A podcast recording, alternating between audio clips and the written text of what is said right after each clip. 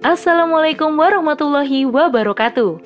Hai Sobat Narasi Pos di mana pun Anda berada, kembali lagi bersama saya Giriani di podcast Narasi Pos. Kali ini di rubrik motivasi, narasipos.com, cerdas dalam literasi media, bijak menangkap peristiwa kunci.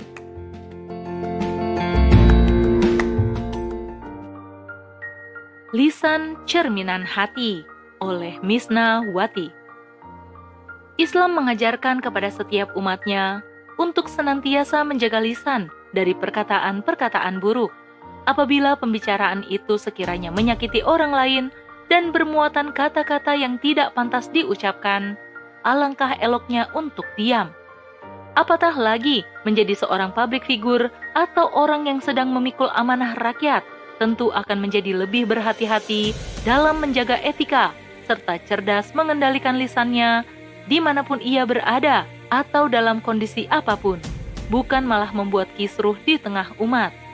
Berawal dari keinginan kemenak mengatur volume pengeras suara di masjid yang tertuang pada surat edaran nomor 5 tahun 2022 tentang pedoman penggunaan pengeras suara di masjid dan musola. Di beberapa media sosial maupun online, ucapan Menak Yakut turut ramai mewarnai jagat maya. Namun, bukan komentar baik yang ditujukan kepadanya, justru sebaliknya. Pasalnya, Menak sebelumnya telah melontarkan perkataan yang jauh dari layak, yakni membandingkan suara azan dengan gonggongan anjing. Tentu saja hal ini mengundang amarah umat Islam di negeri ini. Hal tersebut terungkap saat Yakut berada di Pekanbaru ketika menjawab pertanyaan dari juru tinta terkait aturan volume pengeras suara masjid. Sebenarnya, tidak ada yang salah dengan keinginan menak untuk mengatur volume pengeras suara. Jika saja cara penuturannya dengan bahasa yang ahsan, santun, serta alasan-alasan yang dikemukakan untuk mengatur volume suara masjid masuk akal, tentu tak akan menjadi polemik di tengah umat.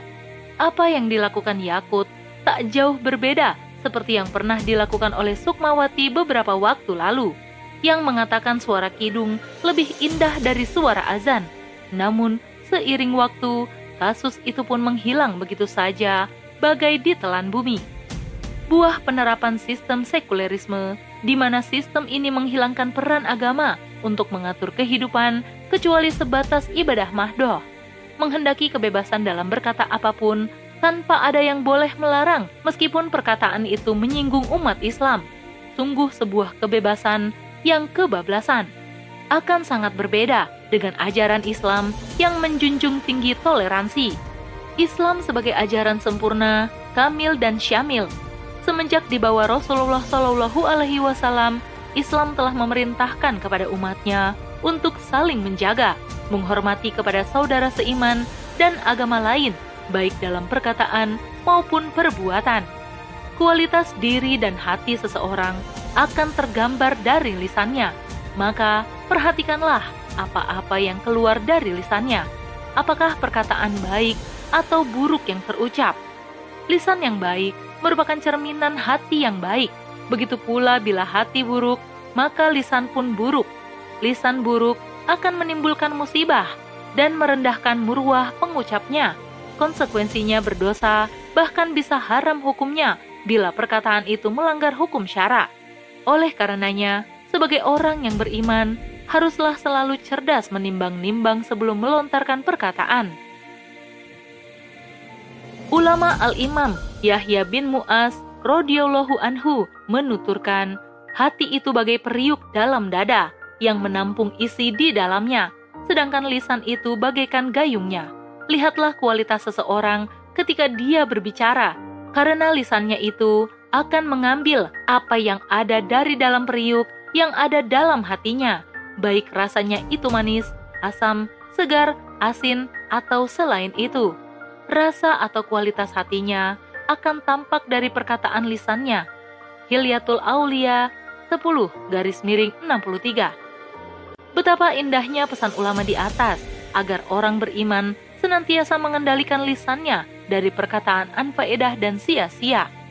Sebab lisan merupakan cermin situasi hati seseorang pada riwayat hadis At-Tirmizi yang lain, Rasulullah Shallallahu alaihi wasallam bersabda, Sebagian dari kebaikan keislaman seseorang adalah meninggalkan apa yang tidak berguna baginya. Tentunya, sebagai orang beriman, selalu berhati-hati dalam berbicara, tidak asal berbicara, kecuali yang baik-baik saja. Cerdas memilih topik pembicaraan, bila tidak bermanfaat, maka diam atau meninggalkannya. Orang beriman meyakini adanya hari akhir atau kiamat dan pembalasan memahami setiap lisan buruk yang terucap telah tercatat dalam lembaran malaikat atid, kelak akan dipertanggungjawabkan di hadapan Allah Subhanahu wa taala. Islam agama yang agung dan mulia selalu mengingatkan kepada pemeluknya untuk menahan diri dari lisan buruk seperti mencela, adu domba, mencaci maki, memfitnah, merendahkan orang atau keyakinan pemeluk agama lain.